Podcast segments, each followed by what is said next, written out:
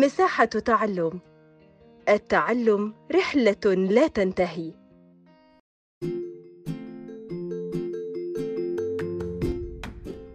ومرحبا بكم في منصة بودكاست للتعلم التابعة لمنظمة كير الدولية مصر المنهج السوداني مرحلة الأساس الصف الخامس بعد نهاية الدوام الدراسي قرر آدم وحليمة زيارة أحمد في المستشفى.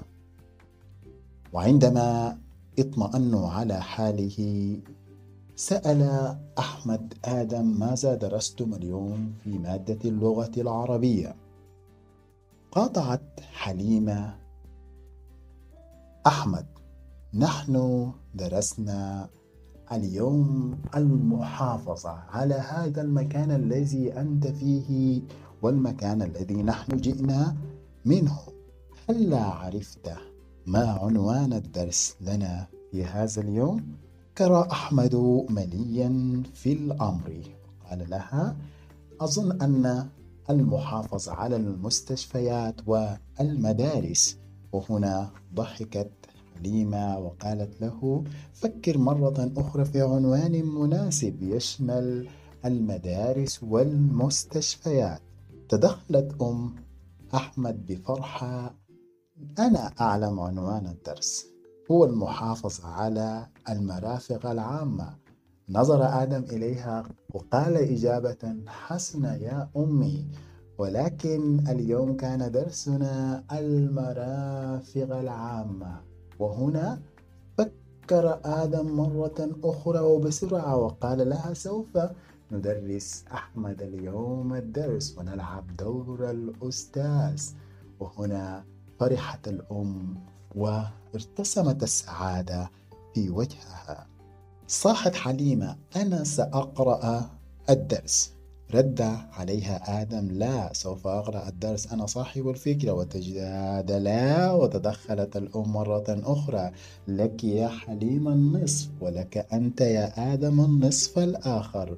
وهنا شعر أحمد بالرضا أن كلاهما سيقرأ له الدرس حتى يختبر من صاحب الصوت الأجمل والقراءة الرائعة. بدأت حليمة. إننا ننفق إنما تنفقه الدولة على تشييد المرافق العامة من مبالغ طائلة يستدعي من الناس المحافظة عليها وعدم الإساءة إليها حيث تكون طرق المحافظة على المرافق العامة بتربية الأطفال وتعليمهم أهمية المحافظة على جميع المرافق العامة بدءا من سن صغيرة من خلال زرع قيم المصلحة العامة المشتركة والتعاون من خلال استخدام الأهالي للمرافق بشكل سليم ليكونوا مثلا يحتذيه الأبناء في كيفية التعامل الصحيح مع المرافق وتعليمهم استخدام المرافق العامة وعدم تخريبها ليتمكن الأشخاص الآخرين من بعدهم استخدامها. أكمل آدم. دعا ديننا الإسلامي إلى عدم نشر الفساد وضرورة المحافظة على الممتلكات العامة وحمايتها وحفظ حق المجتمع بأسره في استخدام الممتلكات العامة وتعزيز فكرة الحفاظ على الأمانة المسندة لكل فرد في المجتمع وصيانة المال العام وذلك كما ذكر في الآية الكريمة وابتغي فيما أتاك الله الدار الآخرة ولا تنس نصيبك من الدنيا. واحسن كما أحسن الله إليك. ولا تبغي الفساد في الأرض إن الله لا يحب المفسدين. صدق الله العظيم. صفقت الأم لكلاهما وشعرت باستحسان. وقالت حليمة الآن سوف اختبركم أنتما الإثنان معا. حتى أعلم من فيكم فهم الدرس جيدا. وطرحت هذه الأسئلة ولكن كان لآدم فكرة أخرى. لن أجيب على هذه الأسئلة فأنا أعرفها في الفصل. ولكن لأحمد أن يكتب الإجابات حتى أرسلها إلى الأستاذ ليكمل تصحيحها. ووقتها سيعلم أن أحمد طالب مجتهد. آدم دفترا جديدا وأعطاه إلى أحمد وقلما وبدأ أحمد يدون الأسئلة ويقرأها سؤال تلو السؤال كاتبا إجابته. فبدأ بالسؤال الأول لماذا يجب على الناس المحافظة على المرافق العامة؟ دون تلك الإجابة. والسؤال التالي له كيف تكون طرق المحافظة على المرافق العامة؟ وهنا نظر إلى آدم وابتسم وكتب إجابته. وتلا السؤال الثالث كيف يتم استخدام المرافق العامة؟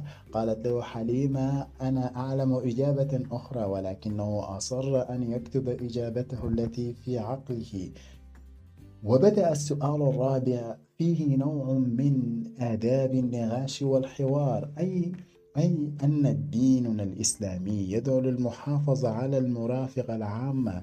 ناقش هذه العبارة. قال أحمد مع من أناقش هذه العبارة وأنتم الإثنان؟ حضرتم الدرس في الفصل وتناقشتم. إذا سأناقش أمي. لا عليك يا أمي. آه يدعو ديننا الإسلامي للمحافظة على المرافق العامة. هكذا بدأ الجدال بينه وبين أمه طرحت إجابة من هنا ومنه من هناك. دون تلك الإجابات. فانتقل إلى السؤال الخامس. ما رأيك من يسيء است... في من يسيء استخدام المرافق العامة؟ ذكر السؤال بصوت عالي والابتسامة في وجهه والسخرية تعلو على عينيه وينظر لآدم. فيعلم أن آدم كان يرمي الأوراق في الفصل. رد إليه آدم بسرعة وكان يعلم ما يدور في نفسه. نعم كنت في العام السابق أرمي الأوساخ ولكن الآن عرفت أن هذه هي المرافقة العامة. علينا أن نحافظ عليها جيدا. وانتقل إلى السؤال السادس. عدد المرافق العامة الموجودة في مدينتك أو قريتك أو عاصمتك أو ولايتك. فهنا سكت الجميع. كم من مرافق عامة تعلو بنايات وتتناثر بين هنا وهناك في المدن فكلها أماكن حكومية مخصصة للناس. فاذكر منها ما شئت. سألت الأم أبنائي الأحباء ما جمع مصلحة؟ أجابت حليمة بسرعة مصالح. وأيضا ما جمع آية قالت لها آيات. وما جمع مجتمع ردت عليها مجتمعات فكانت لها إجابات سريعة. آدم أنت ما مفرد مرافق؟ قال لها آه لا أدري يا أمي ولكن أظن أنها مرفق. وكذلك أطفال ما مفردها؟ قال لها طفل. و اجتمعت الأسئلة في بوتغتها الحديث من الأم من الأم وأحمد مرة ومن آدم. وهكذا دق جرس انتهاء مواعيد الزيارة في المستشفى.